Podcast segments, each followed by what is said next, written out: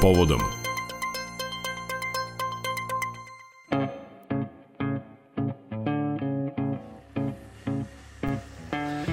Danas govorimo o najavi predsednika Aleksandra Vučića da će Vojska Srbije biti popunjena sa čak 5000 novih pripadnika specijalnih jedinica, te da će oni biti nadprosečno plaćeni. Takođe biće reči o potrebama i pravcima razvoja naše vojske u skladu sa aktuelnom geopolitičkom situacijom.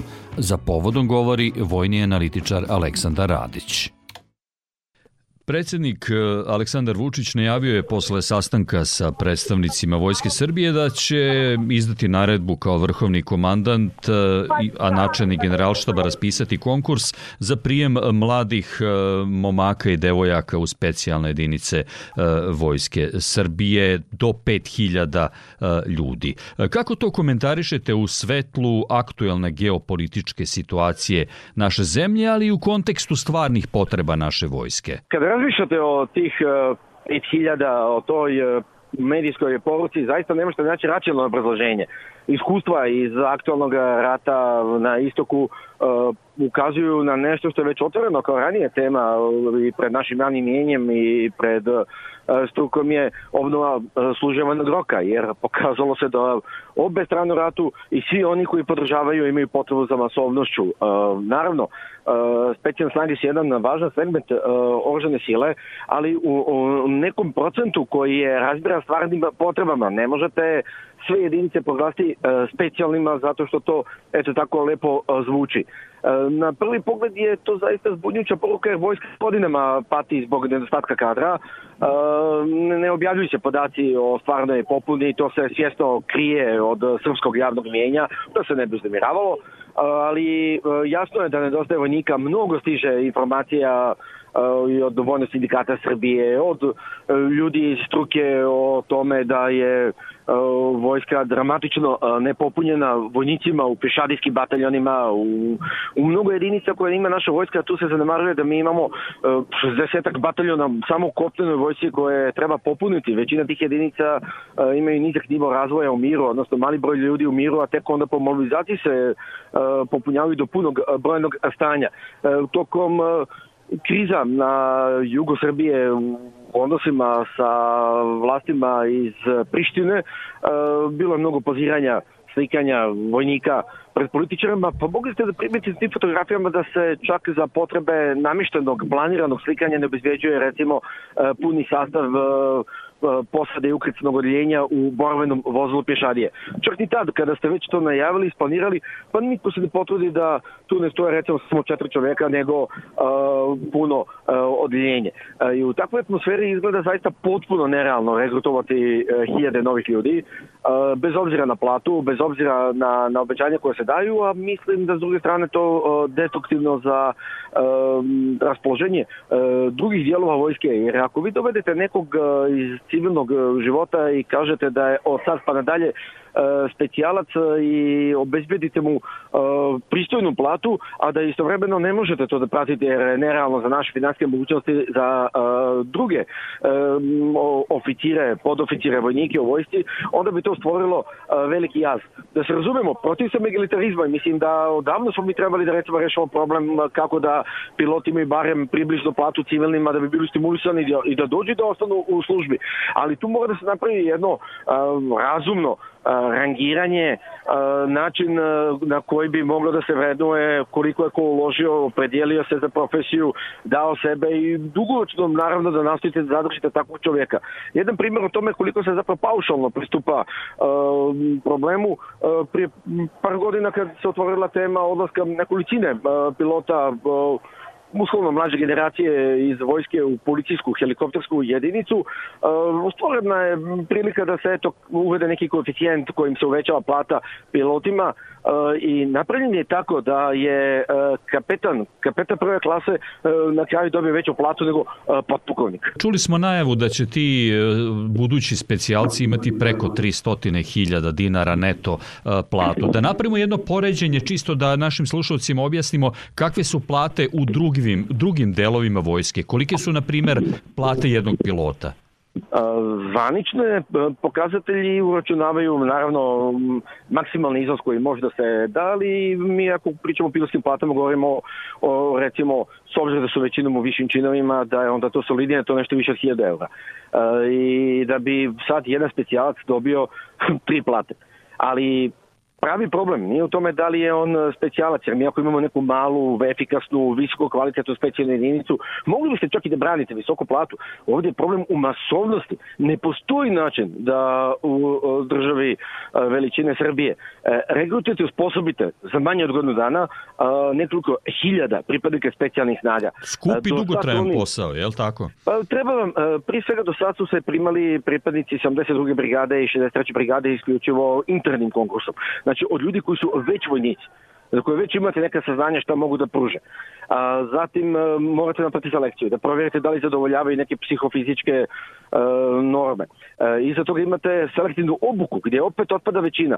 I to je doslovce bi trebala da bude piramida u kojoj od stotina entuzijasta svedete to na desetine onih koji su potencijalni kandidati da biste izdvojili na kraju i u jedinicu uveli samo pojedince od čitave te baze od stotina kandidata naroda, ali pojedince. I onda tim pojedincima radite tek ima tad počinje profesionalni razvoj, onda morate da uložite od njih narednih godinu dve da biste e, stvorili nekoga ko bar formalno zadovoljava e, norme e, osposobljenosti. Ideja da pozovete masovno ljude iz civilnog sektora i da kažete evo dobit ćete plakutu, a ako se pojavite u uniformi je u najmanju ruku sumnjiva ne vidim da razumsko opravdanje ni u potrebama ni uh, izvodivost uh, takvog jednog plana. Da li nama treba 5000 vojnika? Sigurno nam treba 5000 vojnika, ali u svim onim bataljonima koje već imamo, uh, ljudi na raznim vojne evidencijalnim specijalnostima, a ne koncentracijalnih samo uh, u snagama koje se u, u medijskoj, prije svega komunikaciji, uh, nazivaju uh, specijalne. Čuli smo od predsednika da smo imali prvi put posle mnogo decenija veći broj primljenih nego oni koji su napustili vojsku u poslednje dve godine. Čuli smo takođe najavu povećanja plata za vojsku od 25%. Da li je to dovoljno da se preokrene negativni trend nedovoljnog interesovanja ljudi za profesiju vojnika? Mislim da postoji ozbiljan problem kako u budućnosti regrutovati ljude za vojni poziv, da je interes mnogo manji nego što možemo da pomislimo, ali da naravno političari pričuju superlativama o svojim rezultatima i kad vam kažu evo, pribavili smo ljude, vi nemate načina da proverite da li to tačno, jer mm, naša država krije od e, srpskog naroda podatke oko, to, oko toga koliko mi zapravo imamo ljudi. Stvarno smo mi jednu tu čudnu tu paranoičnu kulturu gde se odmah to naziva vojnom tajnom, pa nije nije vojna tajna. Mi te podatke prijavljujemo, dajemo svim drugim zemljama. E, um, vrlo precizne informacije o ljudstvu, kadrovskim promenama i naružanju vojne opremi razmenjujemo recimo po podregionom sporazumu i dajemo na raspolaganje Hrvatskoj, Bosni i Hercegovini, Crne Gore. Imamo sporazum Vijena dokument, bečki dokument po kojem se e, podaci da razmenjuju sa svim zemljama koje su članice OEPS-a. Mislim da srpsko javno mijenje treba da bude zainteresovano zato koliko imamo imamo ljudi i šta se zaista e, čini da bi se pribavili i da bi mi trebali kao sve ostale e, normalne zemlje da kažemo ovoliko treba da imamo, a ovoliko zapravo da imamo i onda bismo drugačije pričali o ovoj temi, onda bismo mogli da analiziramo e, dublje i da kažemo dobro, da vidimo da li je to zaista tačno da mi imamo toliki priliv da imamo mogućnost da regrutujemo hiljade ljudi tokom jedne godine. Ovako sve je svedeno na prazne fraze, na nastojanje politike da impresionira neodređenim frazama koje se na kraju svode na to vjerujte nama uh, imamo upravo to što nam treba i to je ono uh, što je dovoljno. I to da vodi ka toj jednoj opasnoj ideji da se obećaju uh, ozbiljne plate jer znate 1000 eura vam je uh, mnogo više novca da što možda dobije pripadnik uh, vojnik specijalne jedinice u većini evropskih zemalja. Mm -hmm u čitavoj istočnoj Evropi, u zemljama koje mnogo bolje e, ekonomski stoje nego mi, plate nisu impresivne. Nigde zapravo vi ne možete e, od vojne plate e, da steknete priliku za neki koliko toliko komotan život. Vojska je svugdje zapravo ipak dio jednog socijalnog mehanizma koji vas nagrađuje drugačije. Vi morate da imate motivaciju, želju da budete tu i na zapadu imate vrlo razvijene instrumente kasnijeg usavršavanja radnja i privilegovanja u dolasku do civilnog posla kada izađete iz vodnog sistema jer njemu ne penziju. I dovoljno da bi se pokazalo koliko zapravo naš sistem čudno postavljen i činjenica da vi možete kod nas kao vojnik da dođete do 53. godine života u uh, vojsci. Kompromituje svaku priču, svaku analizu o tome gdje se mi zapravo nalazimo jer neki nekako mjerilo koje se drži većina zemalja uh, je da profesionalni vojnik možete biti do 35. godine vreme kad imate maksimalne psihofizičke sposobnosti da udovoljite zahtjevima i onda kasnije vi imate mehanizme kojim država vas dovodi u poziciju da dobijete neko solidno civilno radno mjesto, nastavite svoj život uh, i uh, dobijete neku korist od toga što ste nosili uniformu neko vreme. A na Balkanu je to problem, jer na Balkanu nema ni razvijene odgovorne brige države, ni tržišta radne snage koje je tako razvijeno i kultivisano da daje prednost onima koji su imali e, vojnu službu. Kod nas sada po zakonu do 53. godine možete da budete pripadnik i specijalne jedinice. Mm -hmm. e, naravno, ako ispunjavate neke druge e, preduslove e, i, e, i to e, djeluje prilično absurdno. Ne možete vi vojsku e, na toj poziciji običnog vojnika dovesti u situaciju da omogućite da nekome da zato što se pravlja na radnom mjestu e, ima mogućnost da za penzije e, opstane na takvom poslu. Gospodine da. Radiću, recite nam, da. da li mislite da bi, nakon svega što smo čuli u ovoj situaciji, uvođenje neke vrste vojnog roka ipak bilo e, dobro rešenje? Kako vi gledate na to? Mislim da je uvođenje obaveznog vojnog roka možda sa nekim mekanim pristupom u, u, uzroci da oni koji zaista ne žele i ne pojave se uniformi, e, bilo je rešenje nužno da bismo, izvini, ponovit ću ovo da se peka, pećam, Mislim da je uh, e, obavezno osuđivanje roka uh, e, postalo neophodno. Nema načina da se sa novcem koji zaista ima naša država, a ne koji se obećava, um, popuni vojska dimenzija koju imamo, e, jer uh, sad um, popuna uh, Vojske Srbije, njen život u onoj situaciji kada zaista zatreba da radi svoj posao, uh, presudno zavisi od popune rezervistima. Uh, dobar dio naših bataljona zapravo u miru imaju svega nekoliko ljudi do ekvalenta jednog voda, jednog, uh, jedne čete i uh, ti rezervisti koji treba da dođu su uh, ljudi koji su morali ipak da um, savladaju neki proces uvojničavanja uh, i da biste imali, uh, prije tu poruku države, da oni moraju da služe svrsi u datom momentu parlamentu, ne možete da se zadovoljite sa nekim kakvim kursima od 15 dana, mora da se prođe obavezno služenje roka, jer to je baza za masovnu uh, ratnu vojsku. Nažalost, rat u Ukrajini pokazuje najbrutalnije uh, zašto su sada potrebne, kao i uvijek što je bilo tako, uh, profesionalne jedinice kao jezgro, ali masovna popuna ljudima koji su služili vojni rok, jer ta ideja u zadnje tri dekade da vojske treba da budu malobrojne, visko profesionalne, bila posledica drugačijih okolnosti kada nije pretio rizik od konvencionalnog crnogoročnog sukoba velikih razmera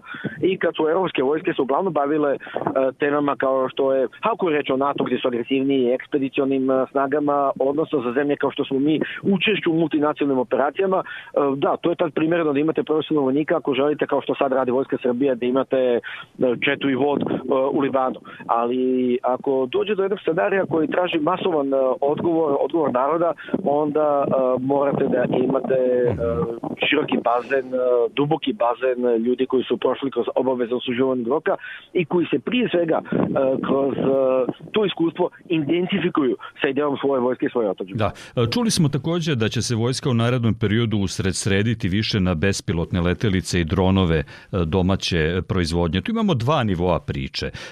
S jedne strane, verovatno poučeni iskustvom ratovanja, pre svega Ukrajini, ali i u ratu između Azerbejdžana i Jermenije vidimo da oklopnjaci i avijaci avijacija pomalo gubi na značaju u koris bespilotnih letelica i drugo, e, da li mi imamo uslove da sami radimo na razvoju dronova za vojnu upotrebu? Mislim da se pravilno otpisuje tank i ostala teška sredstva ratne tehnike. E, Ukrajinci posle meseci i meseci ratovnja sada očenički traže tenkove i borbene vozne pešadije. E, morate da imate vatrenu moć, ali sada sa dronom morate računati kao sredstvom koje je vrlo korisno, koje može da urade veliki posao za jako malo ulaganje, za malo para koliko vam se zapravo koštuje neki letelice koje se koriste e, na e, prednje linije ta, za podršku taktičkim jedinicama koje kupujete u prodavnici. Naravno ima tu i mnogo složenih e, sprava koje zahtijevaju i novac e, i obuku, ali uh, dron je sad samo još jedno sredstvo u, u, listi onoga čime raspolože vojska u ratu.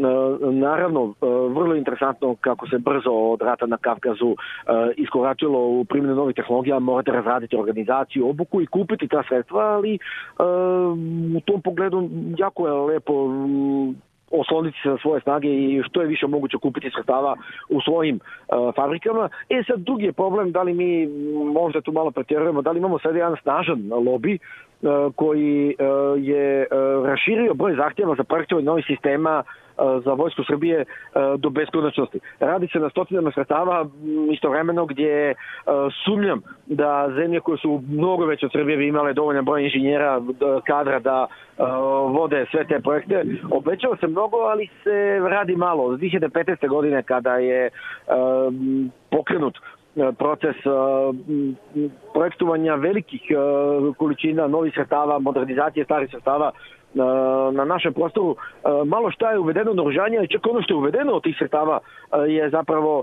samo e, djelomično osvojeno. Recimo, bilo je dosta priča o medijima oko e, hibridnog e, artiljerijskog raketnog sistema protiv vazdušne odbrane Pasas 16, koji su klopio sad priču o dronovima kao sredstvo koje treba da ih obara, ali od 2015. 16. godine to sredstvo je dovedeno samo do činjenice da imate kamion sa oklopnom zaštitom sa topom koji ima u množanju od kraja 1970. godina. I onda se obećava takozvano spiralno projektovanje, eto, radit će se to kasnije, tokom vremena, e mislim da tu postoji veliki raskorak između ambicija koje se pokazuju, želje e, da se od domaće industrije naruči uh, jako mnogo uh, sredstava i činjenica da mi nemamo toliko resursa da možemo da to pa, podržimo i mislim da se tu jako lepo pronašao uh, lobby koji je sebi dao na značaju, zapravo su trgovci, ljudi koji gledaju kako da naprave što veće sortiman za prodaju treće strani, ali nam to lepo predoća kao brigu za našu stvar za odbranu Srbije. Pa sad ako vi kritikujete projekte za koje vidite da su nezreli površno vođeni, onda vam oni kažu da ste vi protiv jačanja Vojske Srbije, a to je Vojske Srbije potrebno. E pa sad, Vojske Srbije je potrebno, bez obzira da li se kupe kod kuće ili u inostranstvu, sredstvo koje definiše da zadovoljava određene taktičko-tehničke zahtjeve, ali pod političkim pritiskom, nažalost, i to se kao kriterijum prilagodi i sad e, je stvorena atmosfera da mi možemo da pokrijemo široko domaće potrebe, a činjenica da se recimo na dronu Pegaz e, radi Eh, jako mnogo dekadu i pol i da na kraju eh, kupljena kineska tehnologija da bi se uveo u upotrebu eh, zatim da nam nedostaju dronovi kakve masovno koriste vojske koje osjećaju da im je to potrebno a ne de bože Rusi i Krinci koji su rato to su komercijalni dronovi jer bitno je mnogo važnije kako vojska koristi taj dron kako ga ubaci u svoj posao u igru nego da li on zadonjet sa ali ekspresno, što zaista rade e, Rusi i Ukrajinci, e, ili napravljen e, na domaćem terenu. E tu mora da se promisli da se napravi kvalitetna procena šta je realno da kupimo kod kuće, a šta mora da se kupi u inostranstvu. Za povodom Radio Novog Sada govorio je vojni analitičar Aleksandar Radić. Hvala vam lepo.